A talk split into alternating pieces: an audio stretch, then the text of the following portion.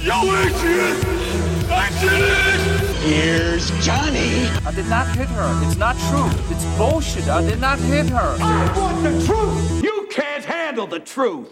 Alltså när, när det är de här enkla, alltså Ja. när, när, de på enkla sätt försöker få fram mina känslor liksom. Ja, jag eh, och jag, jag hatar det och jag blir så arg, men jag kan inte hjälpa det för att min kropp reagerar ändå. Jag blir ledsen när folk blir ledsna. Ser jag någon gråta så gråter jag. Ja. Det, jag är Det kan- väldigt känslosam när jag Det kollar på vara, film. ja, det kan vara, kan vara nice det. Men med det sagt, hej och välkomna ska ni vara till Cineastpodden. Podden där vi pratar om film, filmer vi älskar, filmer vi hatar, filmer vi hatar att älska och filmer vi älskar att vi hatar. Jag heter som vanligt Andreas Baros och återigen heter min gäst Hanna Gustafsson. Välkommen! Tack så mycket.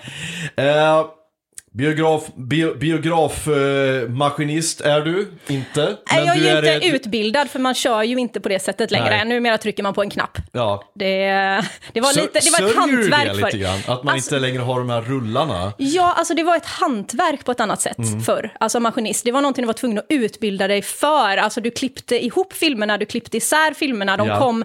Eh, alltså de, de var ju flera kilometer långa. Och du la vilket- in eh, reklamspottarna, Ja, ja men precis. Mm. Eh, Jag, jag har fått trä några gånger och jag har fått klippa några gånger, men jag har inte varit utbildad, så jag har inte själv startat, Nej. utan jag har fått vara med när andra har gjort det, eh, och de har visat mig. Ehm, Men ja, som sagt, det var ju en annan, det var en annan känsla. Jag saknar nästan det där när man kunde se ett litet eh, hårstrå som låg och vippade Ja. i... eh, Det, det, det var liksom Och man kunde annan... se upp i högra hörnet Ja. när det var aktbyte. Ja, ja, men precis. Eller De- de är som- rull, rullbyte Ja. va? Ja. rullbyte var också, eh, det, det var ju inte på den tiden som jag har eh, varit där. Då har det ju varit hela rullar, då var det ju de här större projektorerna. Har du varit med om några gånger när, som det de visade när, i Smala Sussi, att de glömmer att skicka, det är en rulle som fattas när, när det är dags för visning? Att de, för de skickas ju Jag vet, jag vet att vi har haft, eh, som sagt, jag, jag har ju varit för ung under den tiden Mm. egentligen. Eh, jag har ju inte hållit på med maskinist, utan jag har ju varit kassadelen. Men jag vet, jag har ju hört stories från pappa om både, vi tapp, alltså, eh, Harry Potter-premiären tror jag det var. Mm. Eh, den var ju också två och en halv timme, alltså den Ja. var jättelång och det- innebär ju flera kilometer film. Eh, och den tappades innan premiären. Eh, vilket, om ni kommer ihåg gamla kassettband, eh, film överallt. Nej, och, fick, någon, fick någon sitta och ja, panikrulla ja, ja, den där, men precis. Ja, den fick vi ställa in, för det gick inte. Eh, vanligtvis så har det inte gått ut för mycket och om man inte försöker lyfta den på fel sätt så Mm. kan man genom att klippa filmen och sen flytta den i omgångar Ja. kunna köra ihop den igen. Men har den väl börjat trassla sig, då, Ja. då får man ställa in. För det tar så lång stund att få upp trasslet på det här. Och utan att Ja. skada filmen, för att de är väldigt känsliga också. Ja visst är det. Fan Eh. vilken katastrof det måste vara för att ställa in Harry Potter av alla filmer liksom. Ja, det... Ja. Men idag så ska vi prata om en film eh, som... Eh, eh, jag blev väldigt glad när du valde den här filmen. För bra. att eh, dels så är den gjord av, den är, den är regisserad av eh, en kille som ligger bakom en av annan av mina favoritfilmer. Eh, Den, här, eh, den är regisserad av en kille som heter Martin McDonough. Och han har även regisserat filmen In Bruges. Och skrivit manus till, och han har skrivit manus till den och även skrivit manusen till eh, Seven Psychopaths. Och eh, han är en, nu ska vi se, han är en irländsk författare tror jag, och framförallt en pjäsförfattare från början. Eh, den här filmen vi ska prata om idag heter Three Billboards Outside of Ebbing, Missouri. Eh, I rollerna så ser vi Frances McDormand, eh, Woody Harrelson och Sam Rockwell. Och ja, som sagt, jag blev väldigt glad när jag såg den här, för jag hade bara sett den en gång innan. men Jag minns att jag Ska jag vara helt ärlig så tyckte jag att det var en väldigt, jag var helt övertygad om att det var en Coen brother, Brothers Mm, film. Men det var det inte, utan det är Martin McDonough som faktiskt har regisserat den här filmen också. Han har, han bara- och skrivit den. Ja, och Ja, skrivit den. mm. Eh, vi gör som vi brukar göra. Vi, eh, vi går igenom filmen, eh, handlingen från start och finish och sen så diskuterar vi eventuella eh, sidospår efteråt. Okej, i den fiktiva staden Ebbing i Missouri. Eh, ja, det visste jag inte heller att den var fiktiv. Nej, Men nu nej vet det, jag, nu det vet jag också. så sörjer Mildred Hayes våldtäkten och mordet på sin tonårsdotter Angela sju månader tidigare.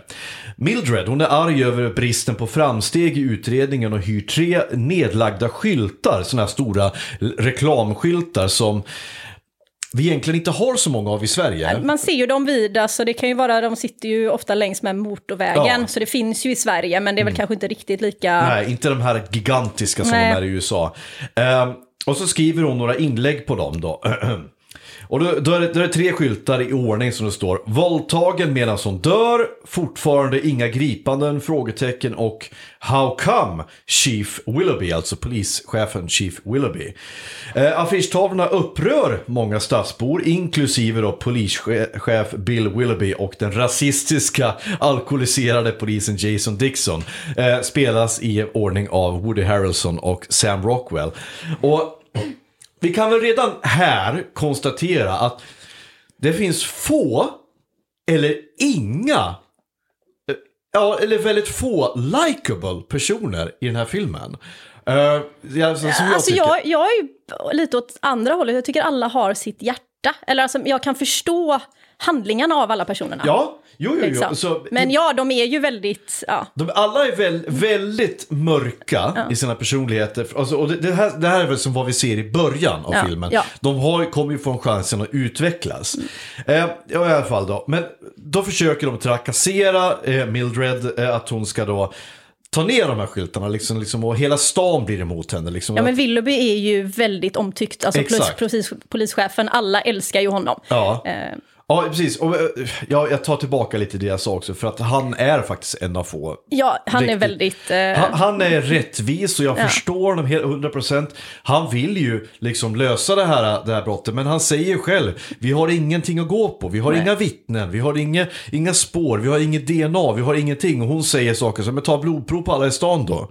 Ja men, ja, men det, för det första så går det inte, men om, man, eh, om det skulle gå, vad, vad händer om man inte är från stan? Ja men ta blodprov på alla i landet då. Ja men om man inte ens är från landet då? Ja, hela världen. Hon, hon är så uppe i sin sorg och sin vrede att hon vägrar se reson.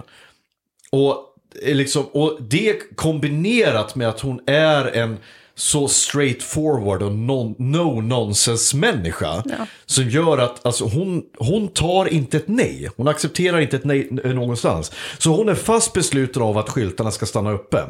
Eh, Medan då Bill, då, hon, eh, Bill Willoughby, han sympatiserar med hennes situation då, så att säga. Men han tycker liksom att det är orättvis attack på, hon, på honom, på hans karaktär då.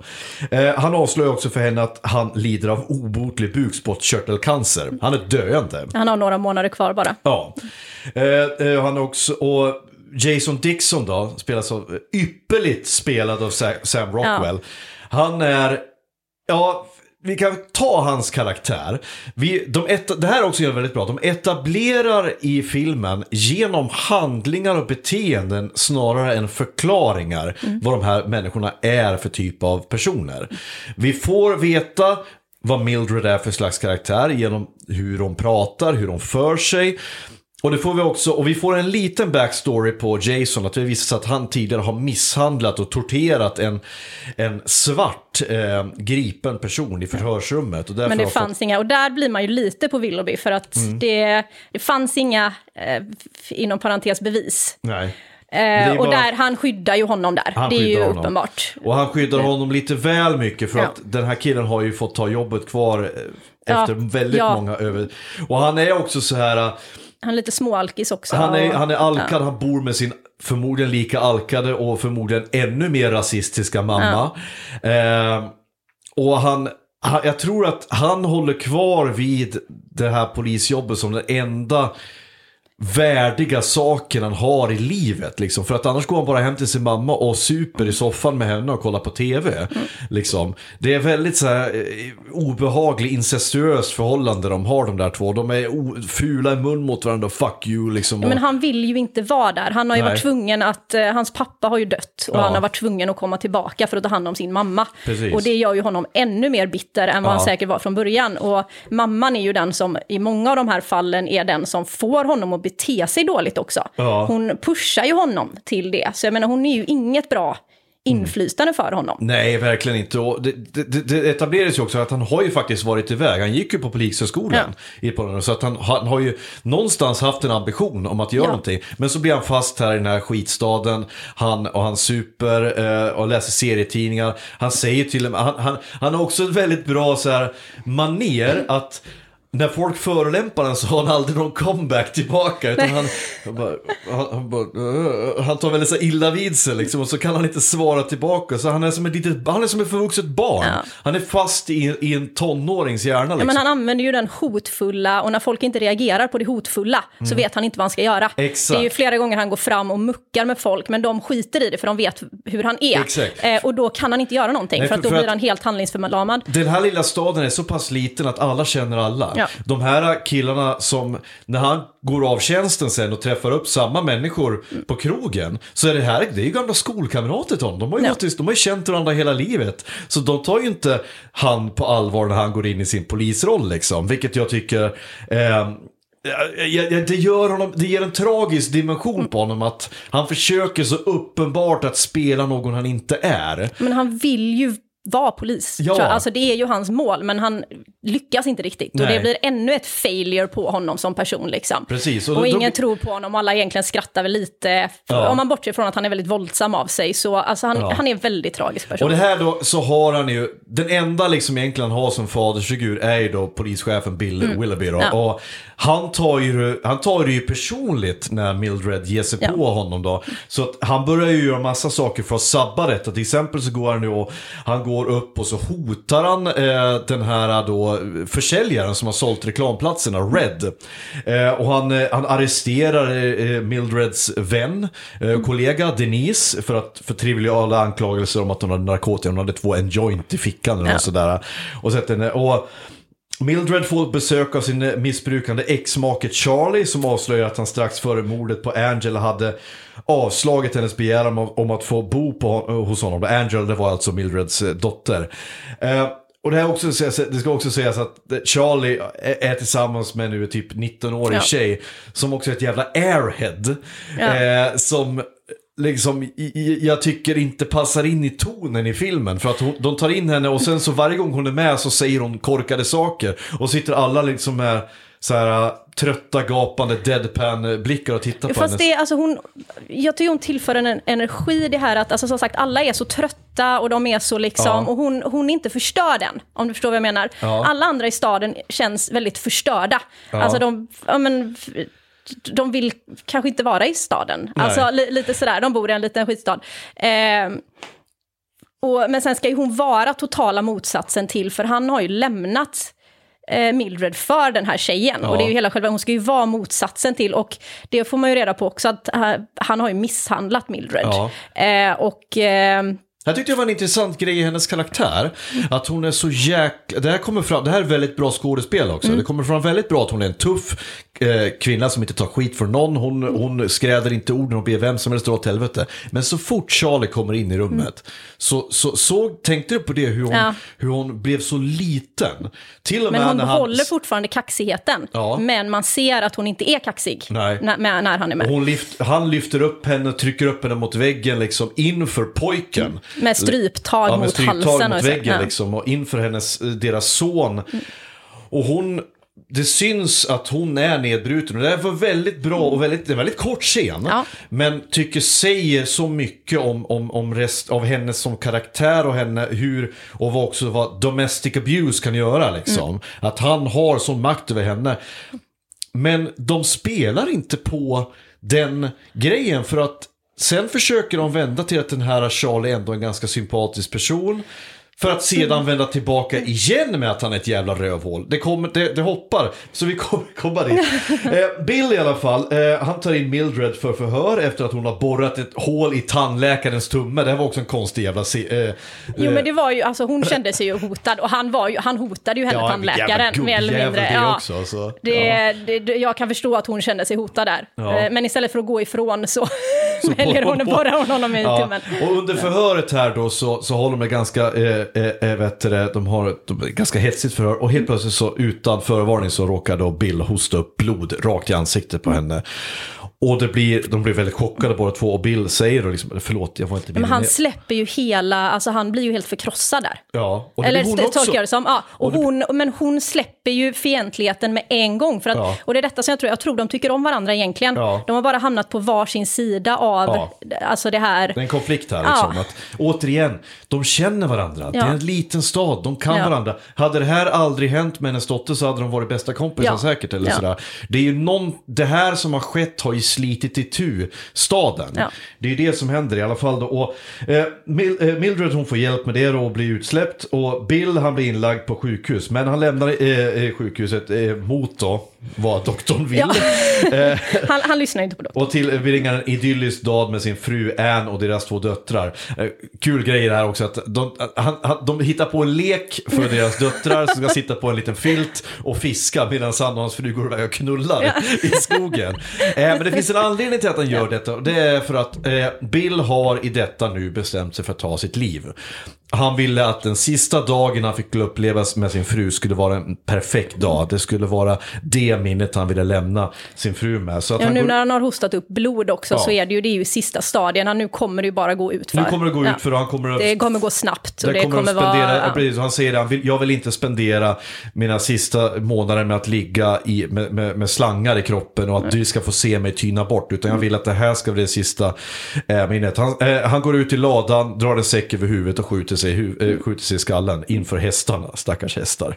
Som tvingas se det där. Och så skriver han ett brev där han förklarar allting. Eh, Ett brev till sin fru, ett brev till Jason och ett brev till Mildred. Eh, och eh, i, brevet till Mildred så förklarar han då att eh, det var inte hennes fel att eh, han tog det här, utan det här var, hade någonting helt annat. Men så här, som ett sista jävla fuck you till dig, det är kul att vi kan ha det här, så tänker jag, jag har betalat nu så att de här skyltarna kommer att sitta uppe en månad till. För det etableras att hon har ju bara betalat för en månad, men han betalar för en månad till.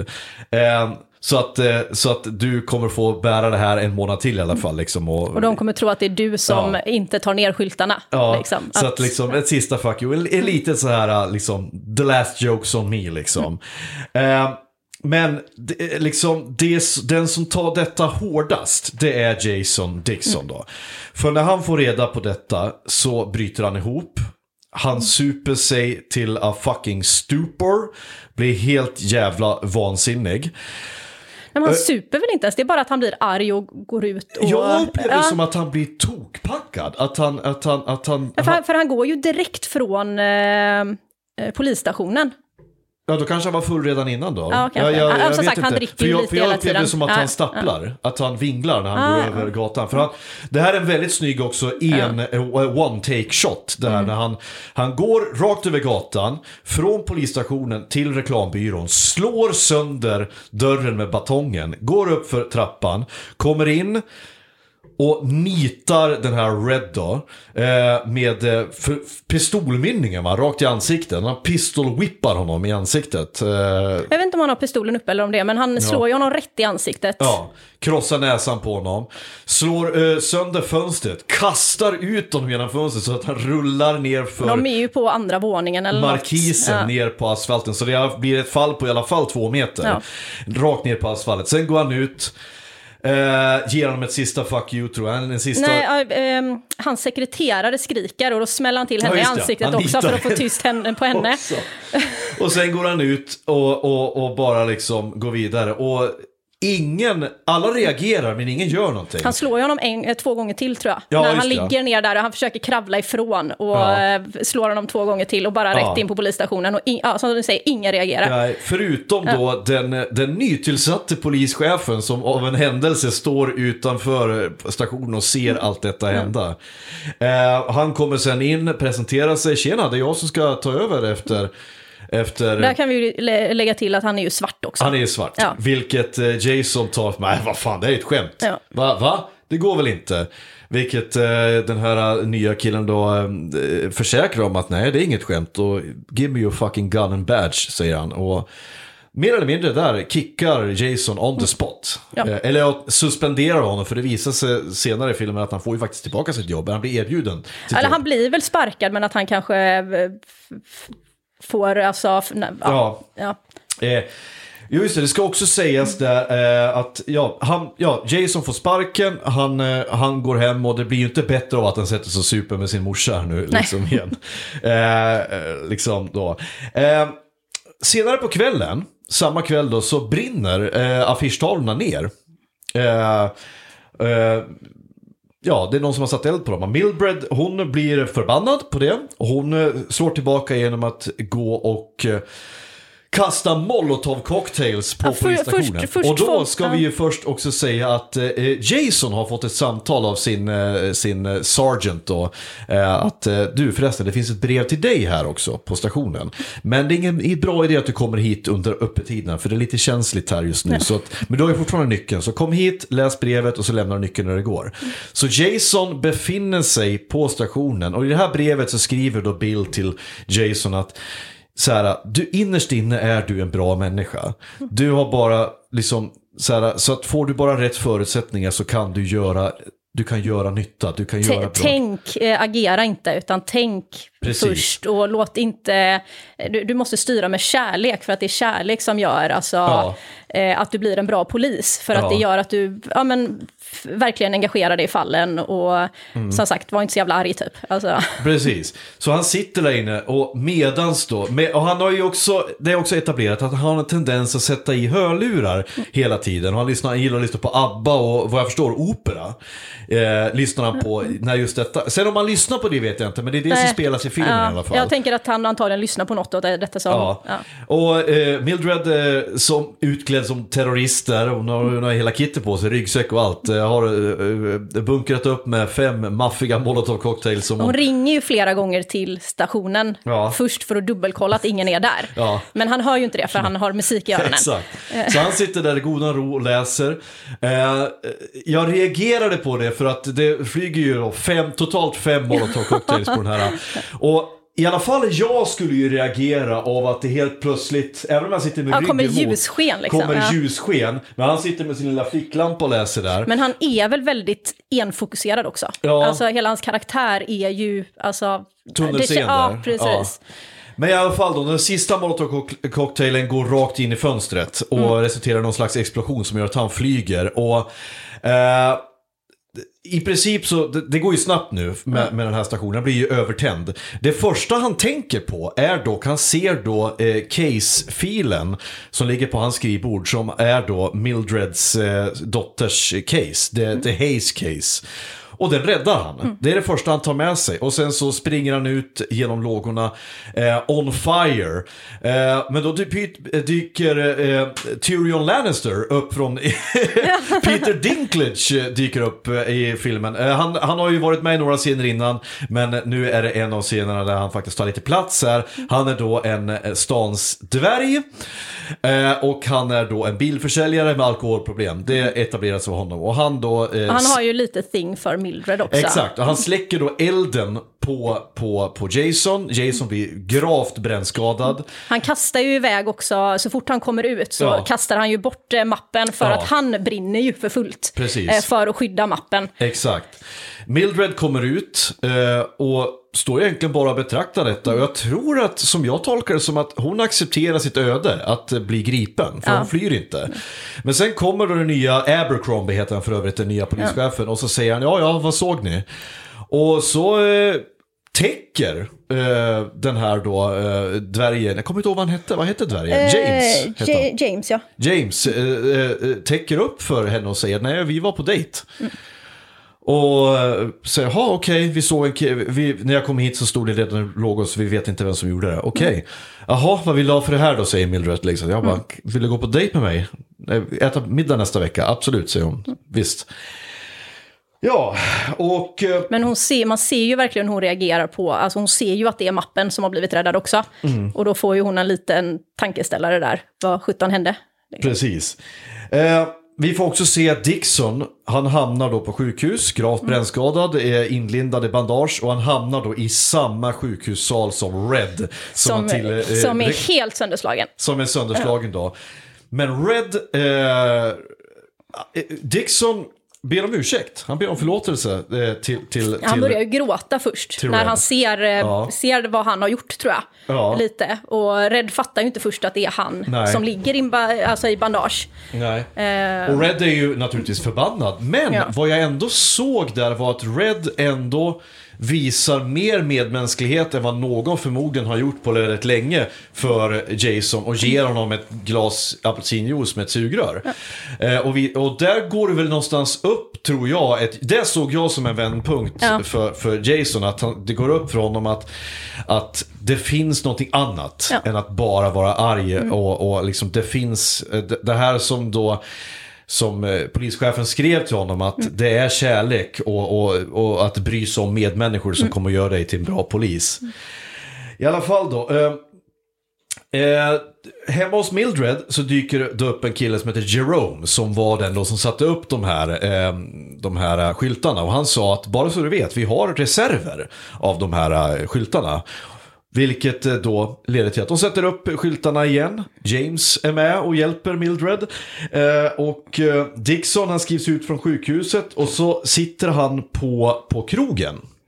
Där han då eh, får eh, stifta bekantskap med en kille som vi har sett tidigare i filmen. Som helt plötsligt från ingenstans dyker upp i Mildreds present gift shop.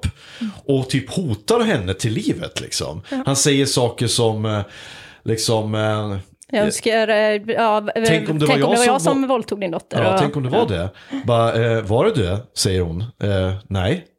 Men om, det hade jag gärna gjort. Om Jag har hade... sett bilder på henne liksom. Ja, liksom. Riktigt hotfull. Ja, och, riktigt eh, hotfull. ja. Och det var det som, eh, för, för sen sitter samma kille på krogen där, och, och, och skryter för sin, för sin polare om en uppenbar våldtäkt. Eh, Och detta hör då Jason som sitter i båset bredvid.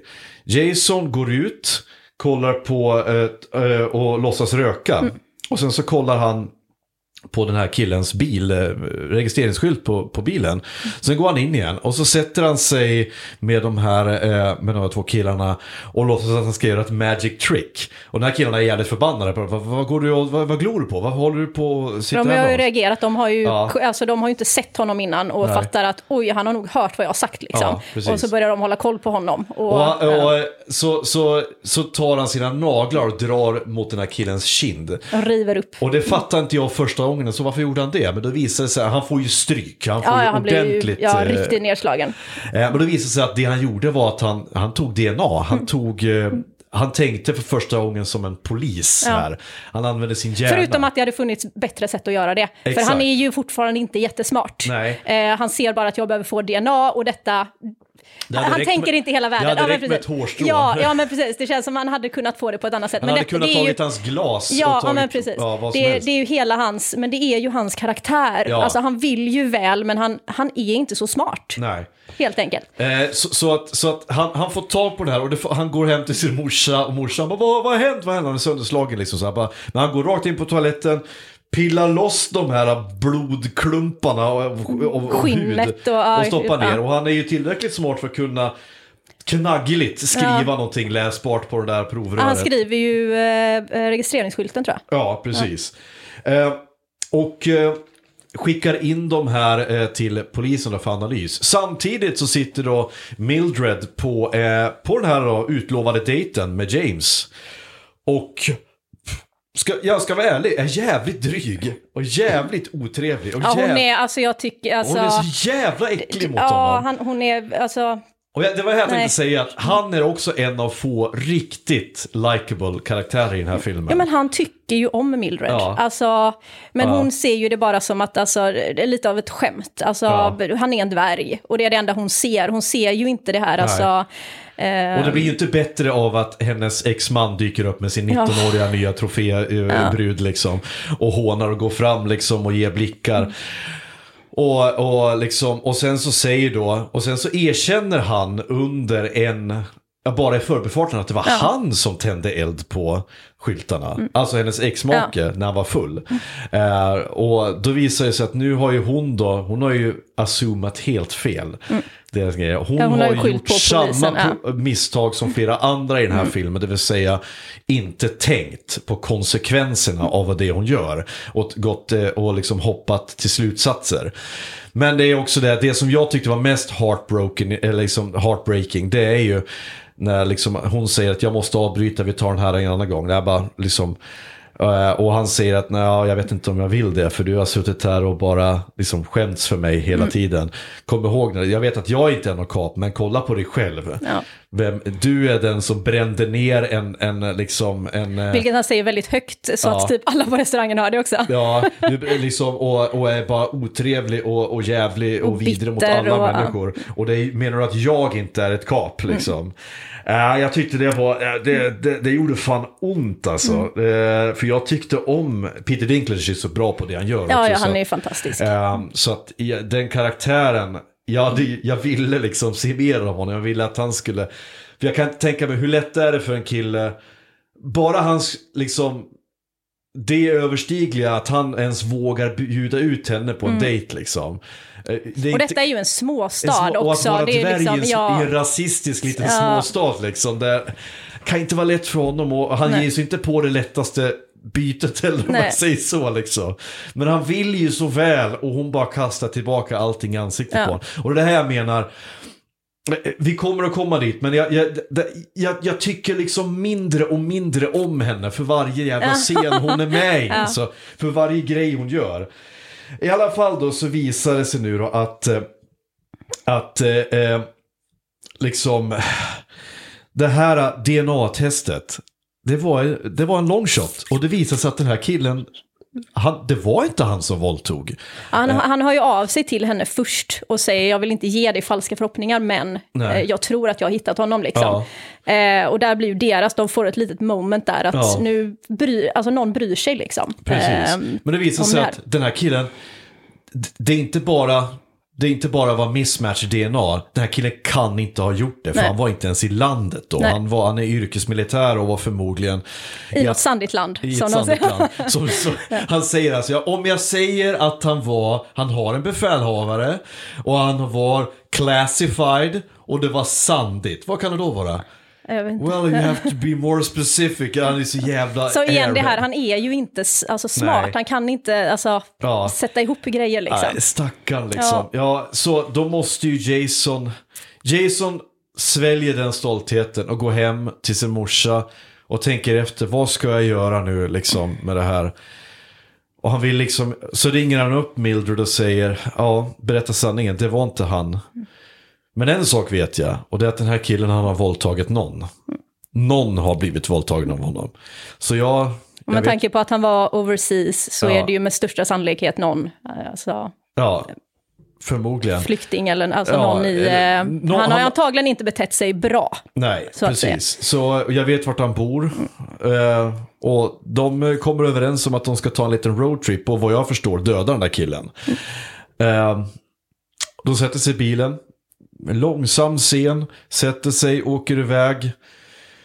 Med nyfunnen, hon erkänner för honom och säger, jag tycker det var en bra replik, eh, bara så du vet, det var jag som tände eld på, på brandstation, eller på polisstationen. Ja, vem fan skulle det annars vara, säger, säger han. Då har ju han räknat ut för länge Ja, ja, ja. sedan. Det finns bara en i den här jävla byn som är galen nog att göra det och Ja. det är du.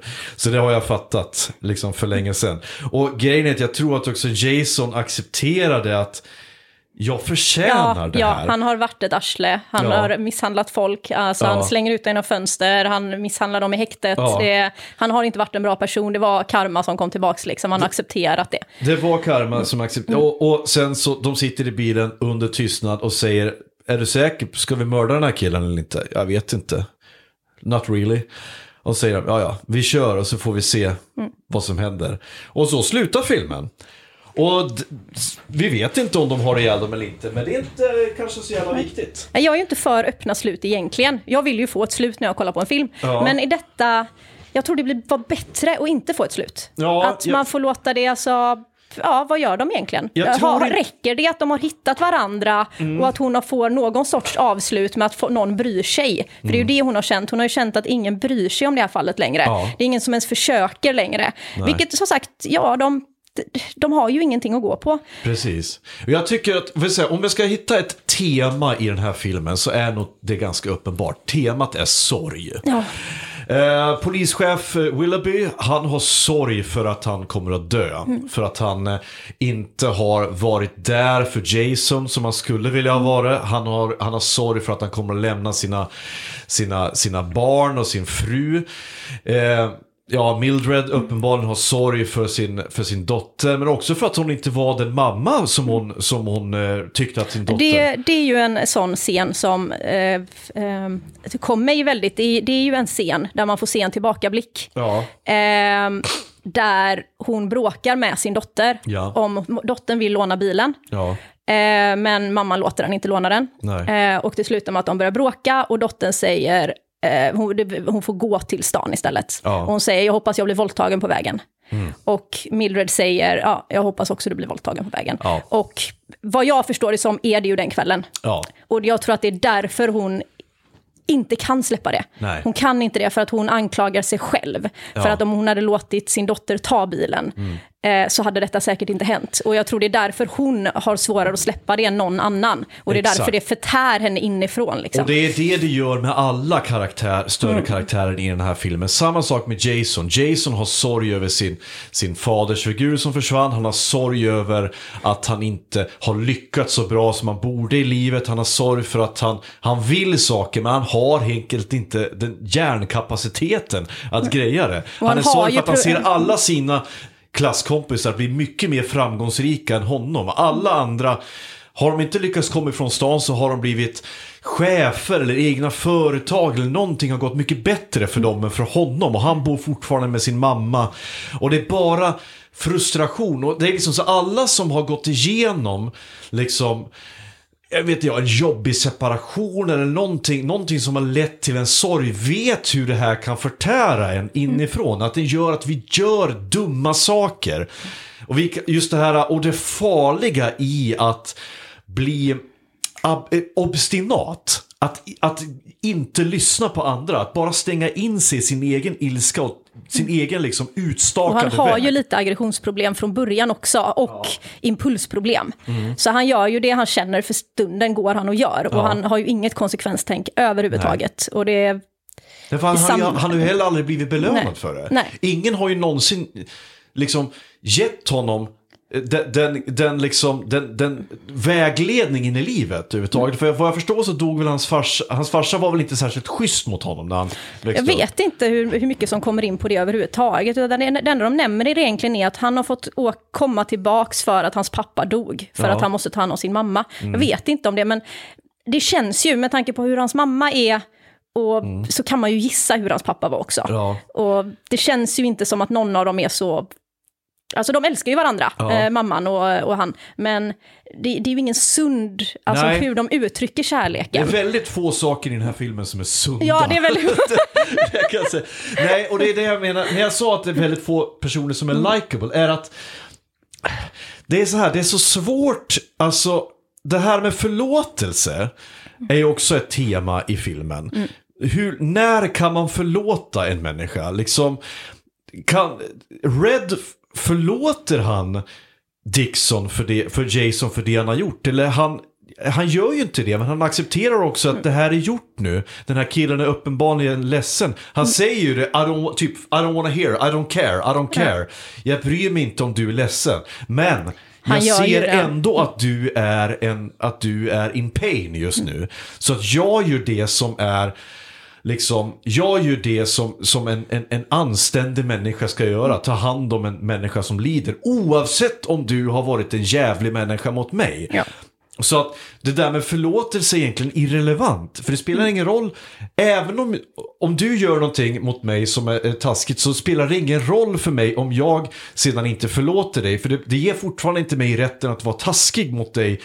På en annan, alltså det, det, det är så många liksom, grejer i det här. Liksom, och att, eh, och att eh, Mildred får ju också se en läxa där när hon får läsa brevet ifrån från, från polischefen att den här killen ville ju väl. Han ville Ja, men han det. Men, säger ju det också, att jag, Ja. jag önskar att, ja, alltså det, det är min högsta, alltså det är min största sorg och att jag inte, att jag inte lyckades lösa det här mordet innan. Mm. eh, innan det här, för att jag ville verkligen det. Alltså, det, det, var, alltså, det var viktigt för mig. Ja. Men han skriver ju faktiskt det också, att det var ett bra drag att skaffa de här billboardsen. Mm. Ja. Eh, han, han erkänner ju det. Ja. För att det väckte ju publicitet och det Mm. fick dem att, alltså sådär, sen att, ja, det hjälpte ju inte, men det, det blev ändå liksom, Nej, Han- det, ja.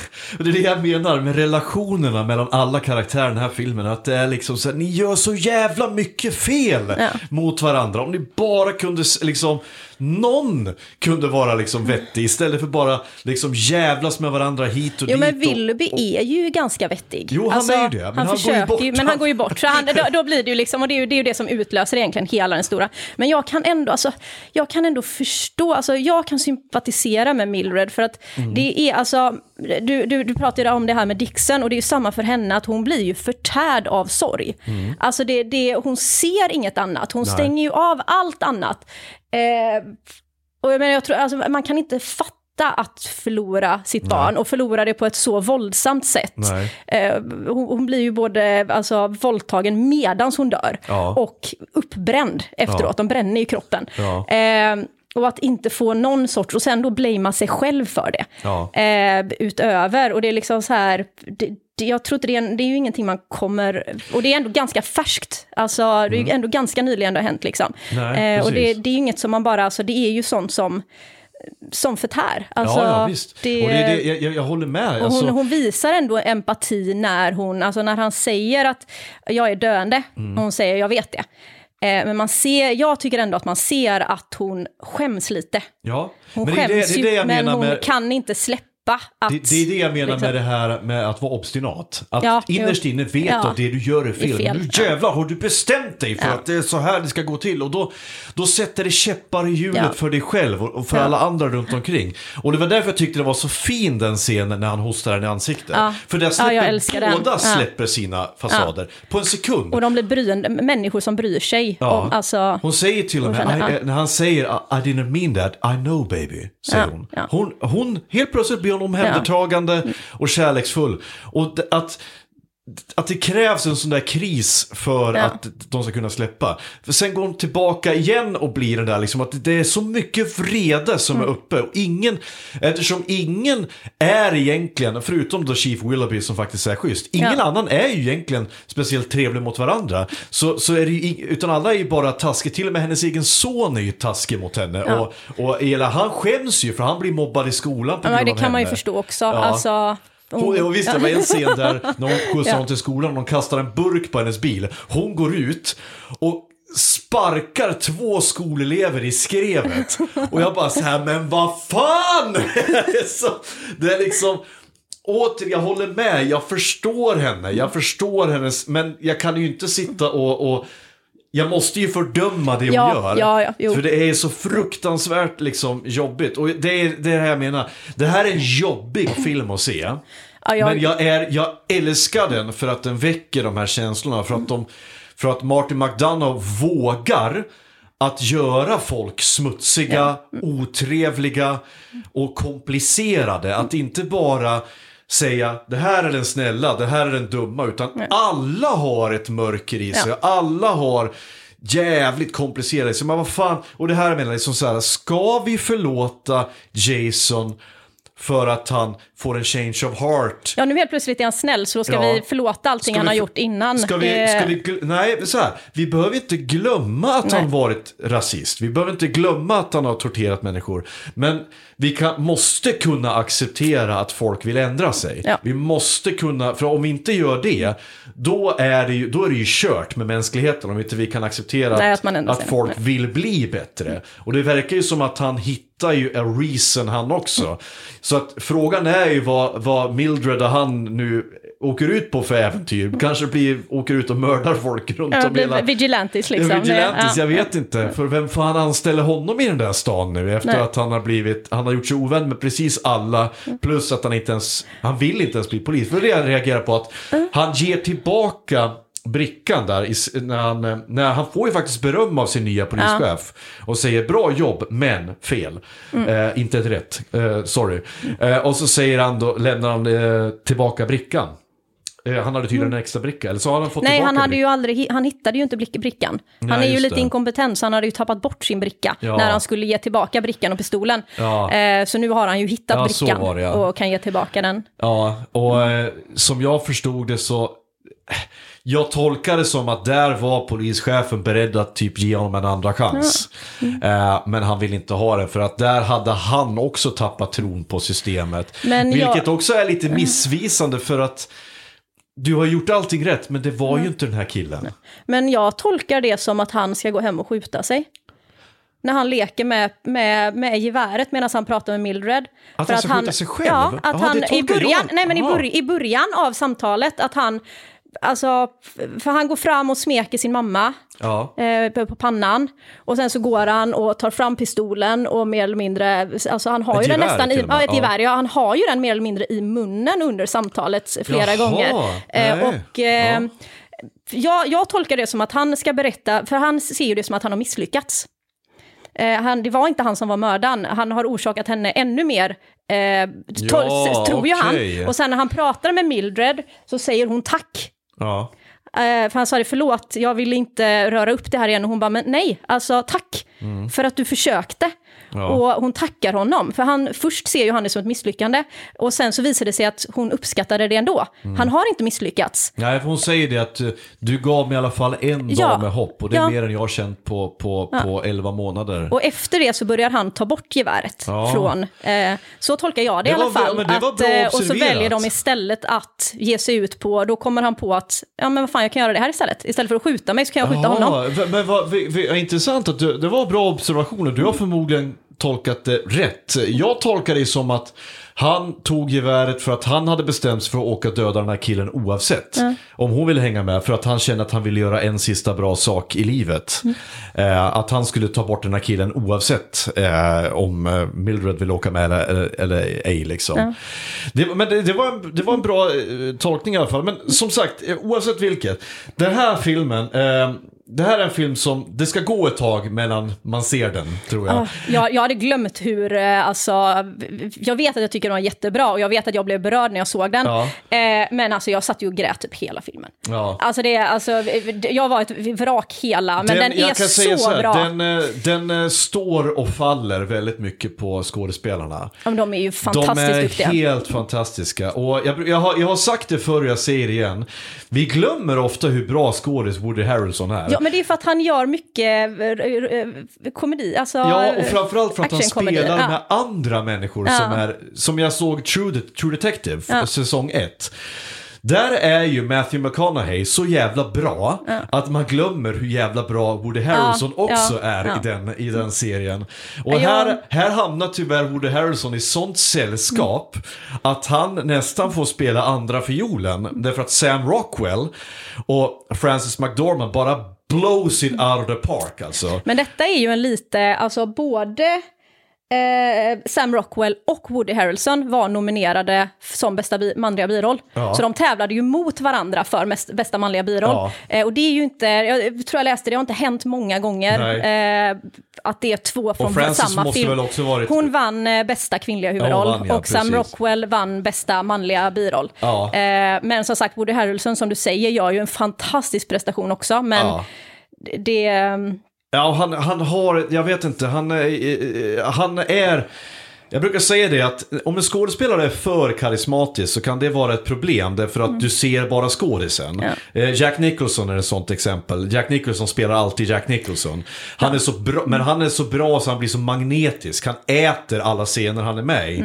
Woody Harrelson har, den, har det problemet ibland, men det skiter jag i för att han är så magnetisk och han... Det, jag vet inte. Det, det, som sagt, den här filmen står och faller med sina, med sina skådisar för att det här manuset är så mörkt och så jävla blekt. Det är liksom...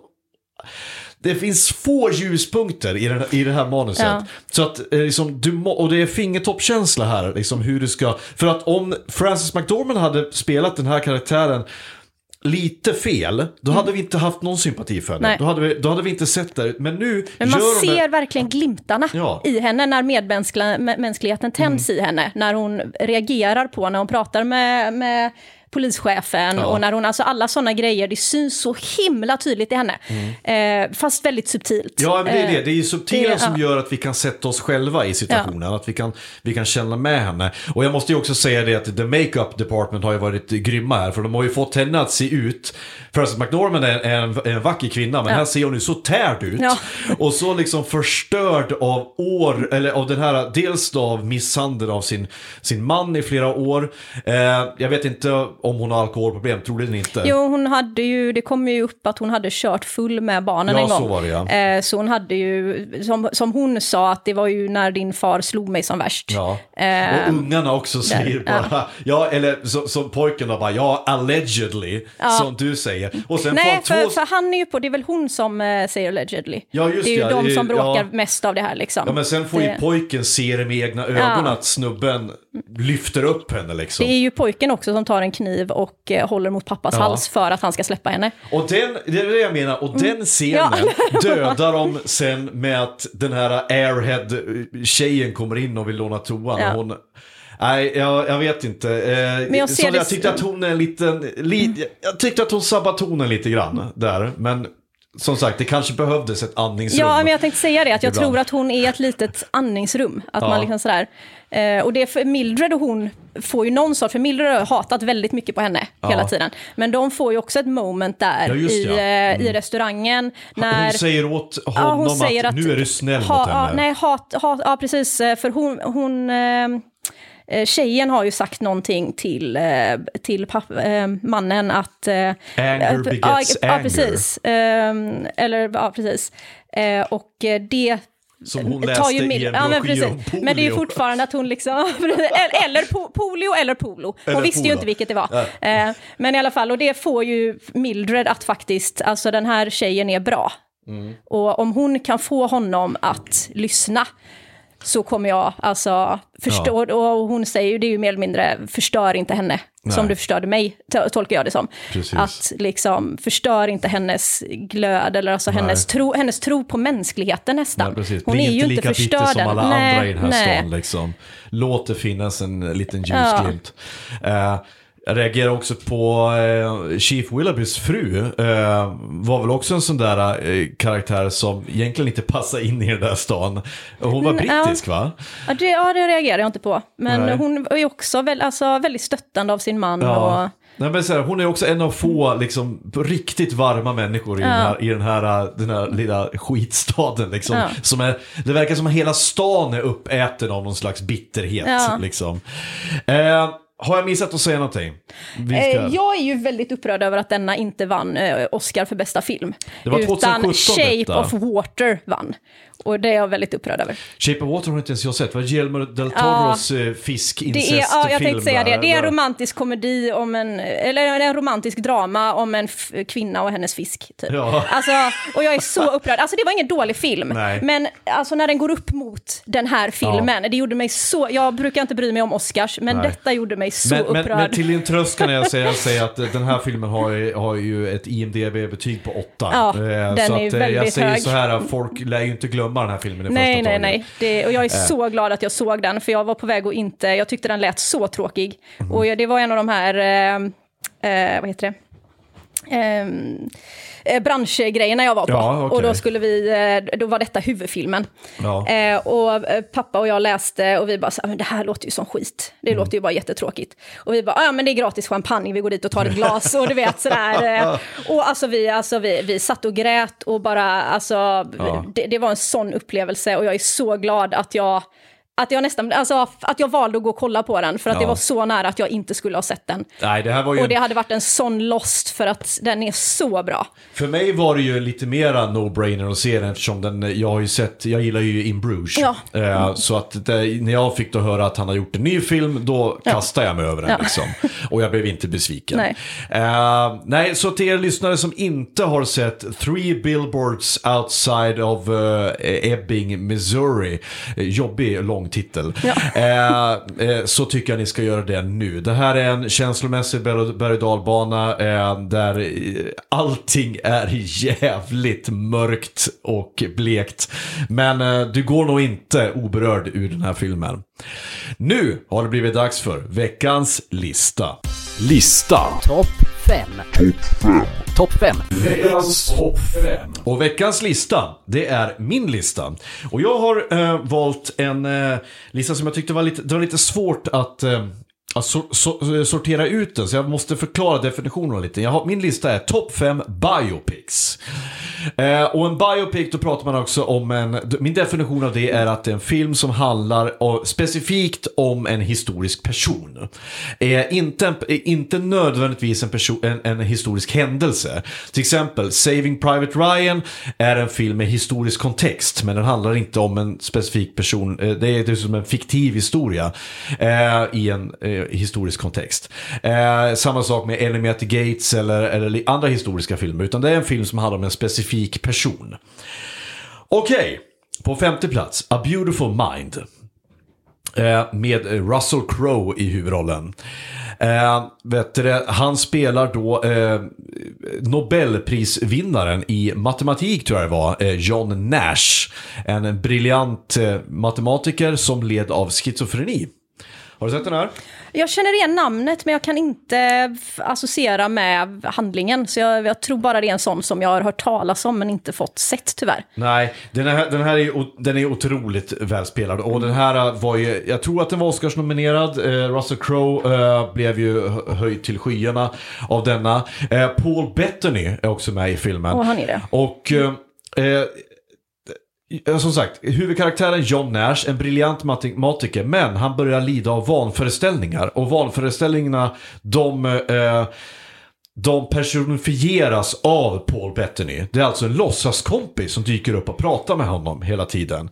Och den här vanföreställningen bryter ner honom mer och mer och han tvingas han tvingas erkänna att han är galen och, och, ta, och ta avstånd från det här. Och det roliga är att John Nash Eh, jag, jag kan inte så mycket om schizofreni. Jag vet till exempel inte om, om det är så schizofreni yttrar sig, att du ser Det låtsasmänniskor. kan yttras på väldigt olika sätt. Ja, eh, va- vanligtvis har jag hört att man hör röster va? Det är väl det att, eh, Ja. det var det som Ted Gärdestad eh, till exempel drabbades av.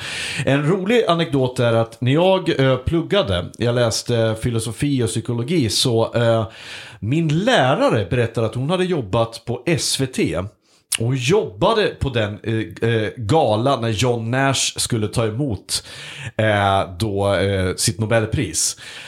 Och eh, hon hade hand om honom. Hon skulle se till att han var klar för att komma in och så vidare. Så hon gick in och hjälp, skulle hjälpa honom att klä sig, få med smoking, fixa hans hår och grejer.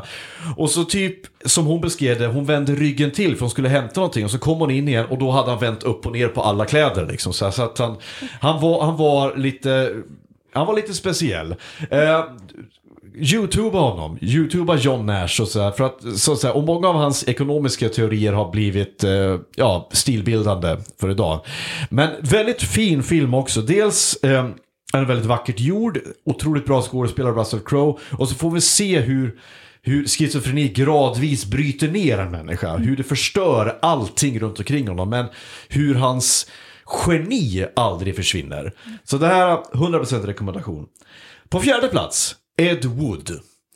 Regisserad av Tim Burton. Johnny Depp i huvudrollen handlar naturligtvis om den eh, ja, berömda inkompetenta regissören Ed Wood som har då regisserat det som brukar utses som världens sämsta film. Eh, Plan 9 from Outer Space.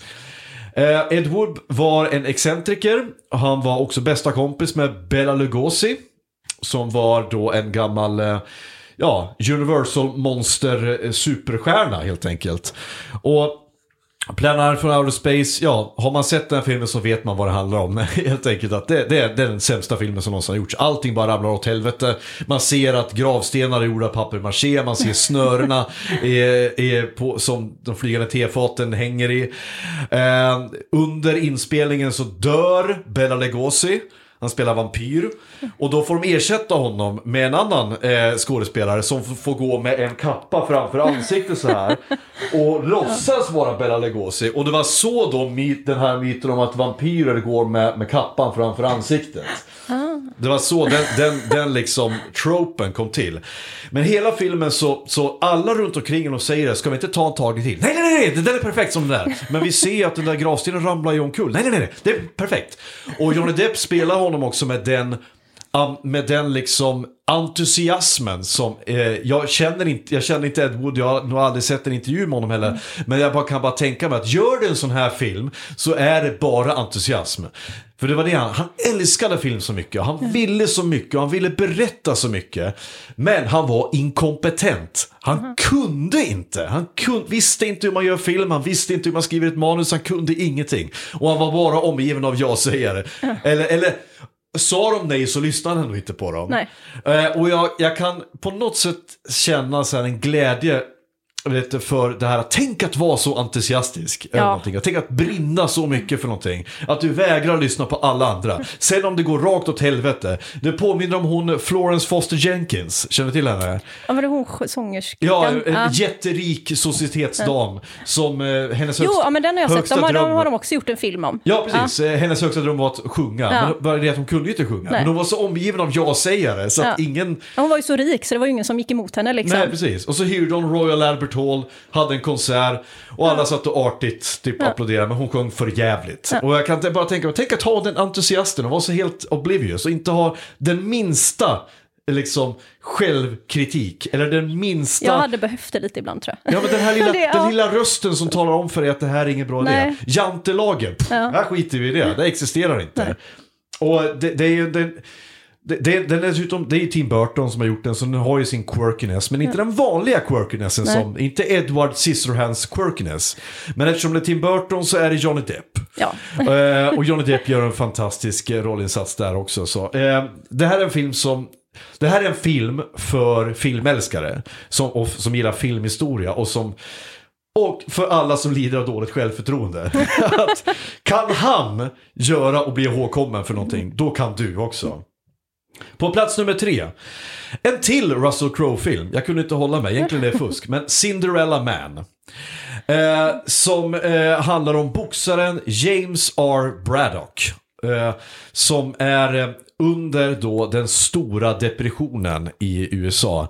Eh, för er som inte förstår magnituden av den stora depressionen i USA, det var att allting kraschade.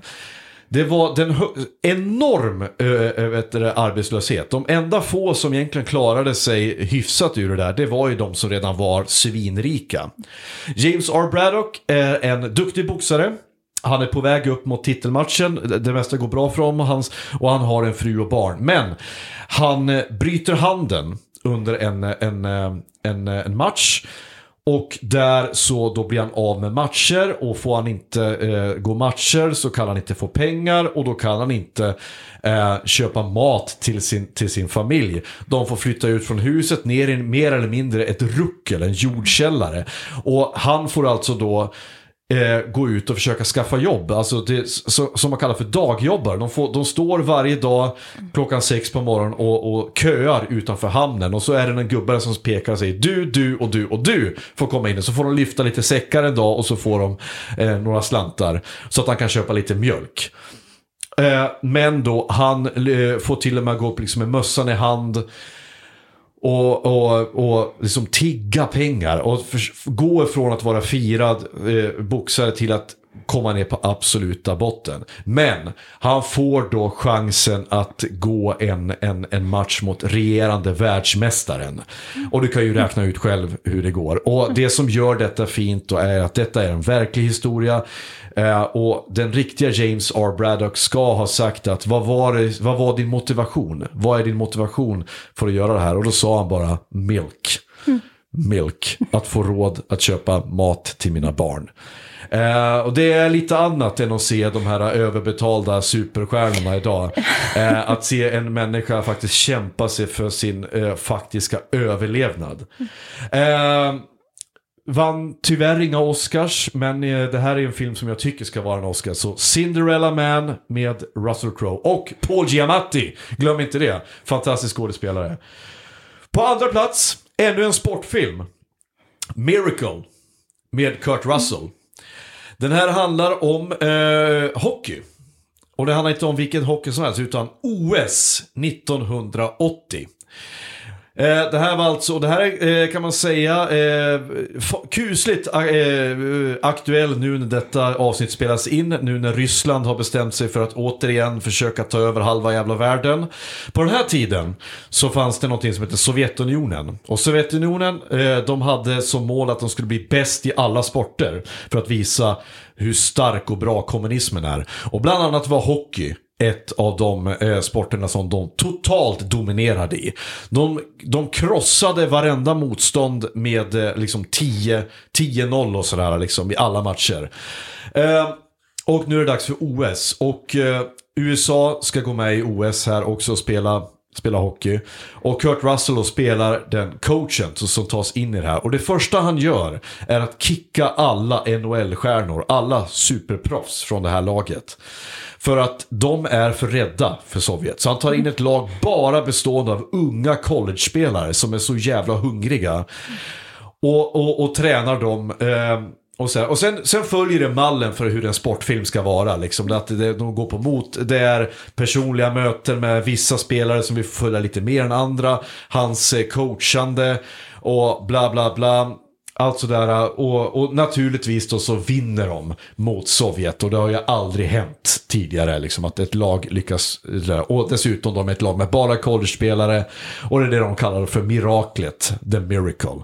Verklig händelse och det är en fantastisk eh, film. Och, eh, Kurt Russell är ju en sån här skådis som jag, ja, bult, mitt hjärta bultar lite extra för. För att han, eh, han var bra på 80-talet och han har fått en revival nu och är nästan ännu bättre nu som grumpy old man med stort skägg. Jag älskar honom i Hateful Eight till exempel. Och, så här. och på första plats, Milos Formans Amadeus. Eh, och den handlar ju naturligtvis om Wolfgang Amadeus Mozart. Eh, som eh, vi får, filmen berättas då av hans, eh, i filmen, rival eh, Salieri som berättar om det här underbarnet som kom från ingenstans. Som hade the mind of a child, som, som bara drog kiss och bajsskämt hela tiden. Men skrev sin första symfoni som treåring och var ett helt jävla underbarn. Och ja, ska vi ha en närmare presentation? Det är Wolfgang Amadeus Mozart vi pratar om. Eh, och ja, vi vet ju hur det gick liksom. Vi pratar om Mozart än idag. Eh, Många har, eh, den här filmen har fått lite kritik för att den ger lite orättvis bild av Salieri. Salieri var absolut inte så hatisk mot, eh, mot Mozart utan det har visat sig ganska mycket att de var mångt och mycket vänner och de respekterade varandra och Mozart eh, och de hjälpte varandra med, och de, de verkade i samma tid bara men det var klart att de var rivaler eftersom de verkade i samma tid. Men det betyder inte att de var ovänner, bara därför. Ehm, Sen, att, sen är det många som har tyckt att ja, men är det inte överdrivet om hur han, eh, hur han eh, betedde sig då? Att han kröp omkring på golvet och fes folk i ansiktet och kunde skriva så. Nej, för det här har också hittats. Alltså, det har hittats så här, typ brev som Mozart själv skrev till sin, till sin kusin. Där han skrev att jag önskar dig en kväll av mycket bajs, mycket fisar och jag hoppas att ditt, ditt rövhål blir stort och vidlyftigt och släpper ut mycket gas. Det var sånt där han skrev. Ja. Han skrev till och med en opera som mer eller mindre går, u- alltså, handlar om att skita på sig. Och det är ju jätteroligt när man ser då så här stora gosskörer stå och sjunga den här operan på tyska då. Fast man vet vad texten är för någonting. Det handlar om, liksom, om, om kiss och bajs. Eh, det här är ju, det här är ju helt, det, det är ju, återigen, det här är ju ett epos. Det här är en film som, man, som jag fick se på filmkunskapen eh, i skolan. Och liksom, som jag har säkert sett 10-15 gånger sedan det. Det är min absoluta favorit. Och det finns ju, det här var en topp 5. Så vad ska jag göra? Jag, måste, jag var tvungen att skala ner till 5. Men jag kan mellan andra bubblare. Schindler's list. Jag Ja, kan, den- eh, vad heter? Walk the line. Ja, jag satt och tänkte på den. Den är ju... Ray tycker jag är helt fantastisk Har du också. sett Eddie the Eagle? Eddie the Eagle har jag inte sett. Jag Nej. tänkte precis be dig, har du någon som jag har missat? Eddie the Ja, Eagle? som sagt, Eddie the Eagle tycker ju, alltså det är ju om, eh, det är ju det här samma som vi pratade om här innan, det här med en människa som inte fattar att han inte kan. Okej. Eh, han vill ju bli, eh, han vill ju vin, vinna olympiskt guld, tror jag. Eh, I vad? Eller eh, i, i vad som helst. Aha, Han vill bara vinna det liksom. Och då kommer han fram till att han ska, så här skidor där man hoppar. typ. Backhoppning? Backhoppning, Ja. tror jag det är. Eh, han är ju i England då, från Ja. eh, engelsk. Eh, och bestämmer sig att han ska med i laget då. Ja. Eh, men han är ju inte duktig, han kan ju liksom inte. Eh, men man får ju följa, han, av någon anledning så kommer han med i laget ändå tror jag. Jag vet inte om det är någon som blir skadad eller något sånt. Eh, och så möter han ju, ehm, eller om han åker dit själv, jag kommer inte ihåg faktiskt. Men det slutar med att han träffar en gammal skidåkare Ja. nere någonstans Österrike, till, ja, någonstans där de åker skidor. Okej. eh, och eh, spelar av Hugh Jackman då. Jaha. Och eh, han ser ju Eddie försöka och försöka och försöka och han skadar sig ju och det, han, han vet ju inte hur man gör. Och till slut så slutar det med att han förbarmar sig över honom då Ja. och ska försöka hjälpa honom. Eh, och det slutar med, ja, ja, som sagt man får ju följa det här.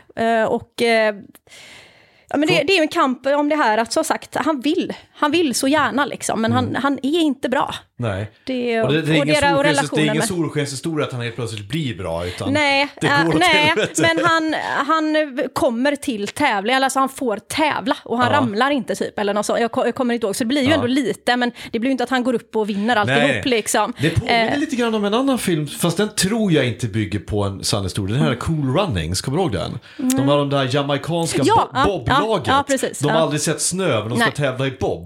Ja men det är ju lite liknande denna. Och, att och det går ju åt ja. helvete för Ja. dem. Men de, det blir ändå fint för att de, de går i mål och lyfter bobben liksom. Och Ja. de får ändå respekten att ni har faktiskt gjort det. Mm. Det är mer, det, jag kan ändå respektera det, för det är mer än vad du och jag har gjort. Ja. Jag har ju Ja, fan inte varit med i OS, även om jag inte kan liksom.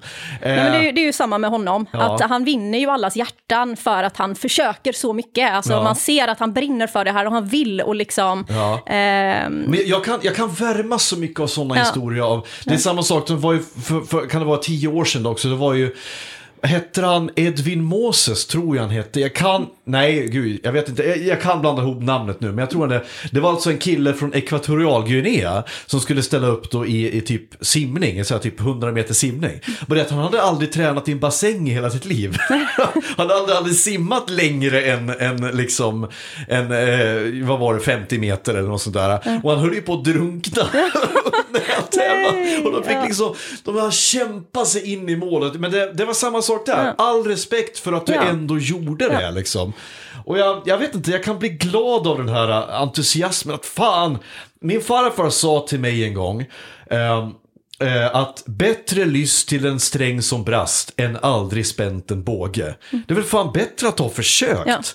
Än, än att, äh, än att liksom aldrig veta hur det är. Vi är så rädda hela tiden för, för vad andra ska tycka, hur, om vi ska misslyckas eller inte. Istället för att prova. Ja.